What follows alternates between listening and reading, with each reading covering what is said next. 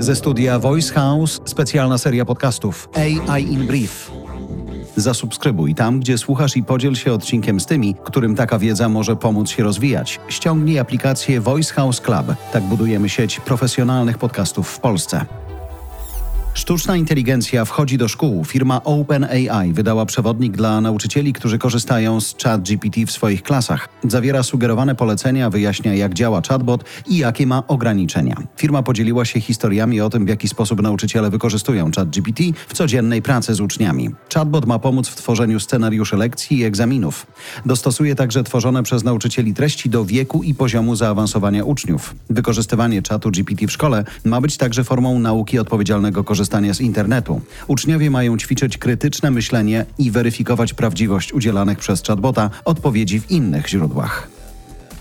Brytyjski dziennik blokuje firmie OpenAI dostęp do swoich treści. The Guardian uniemożliwił właścicielowi ChatGPT korzystanie z oprogramowania, które zbiera artykuły i wykorzystuje je do tworzenia narzędzi sztucznej inteligencji. Technologię stojącą za ChatGPT i innymi tego typu narzędziami trenuje się przez dostarczanie ogromnych ilości danych, które pochodzą m.in. z artykułów newsowych. Wywołało to obawy wielu medialnych firm. Apelują o wprowadzenie zabezpieczeń, które ochronią ich własność intelektualną. Inne serwisy informacyjne, które w taki sposób sposób blokują dostęp do swoich treści to m.in. Reuters, New York Times i Washington Post.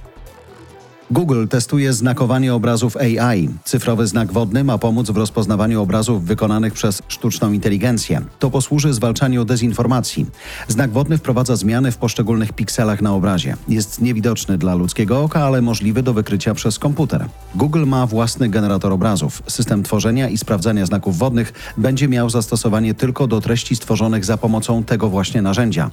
Nowy system znakowania nie jest jednak odporny na ekstremalną manipulację obrazem. Przekonuje przekonuje Google.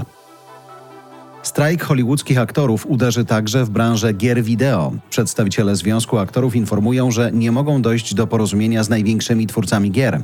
Domagają się podwyżek i wprowadzenia regulacji w kwestii wykorzystania sztucznej inteligencji.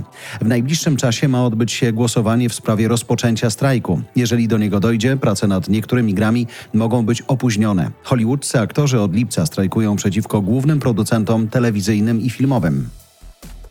Sztuczna inteligencja napisała poradnik dla zbieraczy grzybów. Próbki książek z Amazona uzyskały 100% wyników w badaniu wykrywającym wykorzystanie AI. Eksperci ostrzegają, że poradniki mogą zawierać niebezpieczne porady. Amazon stał się platformą do sprzedaży książek stworzonych przez sztuczną inteligencję. Przedstawiane są jako napisane przez ludzi. W większości są to książki podróżnicze. Teraz na stronie pojawiło się wiele książek z poradami na temat zbierania i przyrządzania grzybów, które także wydają się być napisane przez chatboty. Książki zawierały wskazówki, jak identyfikować grzyby na podstawie zapachu i smaku.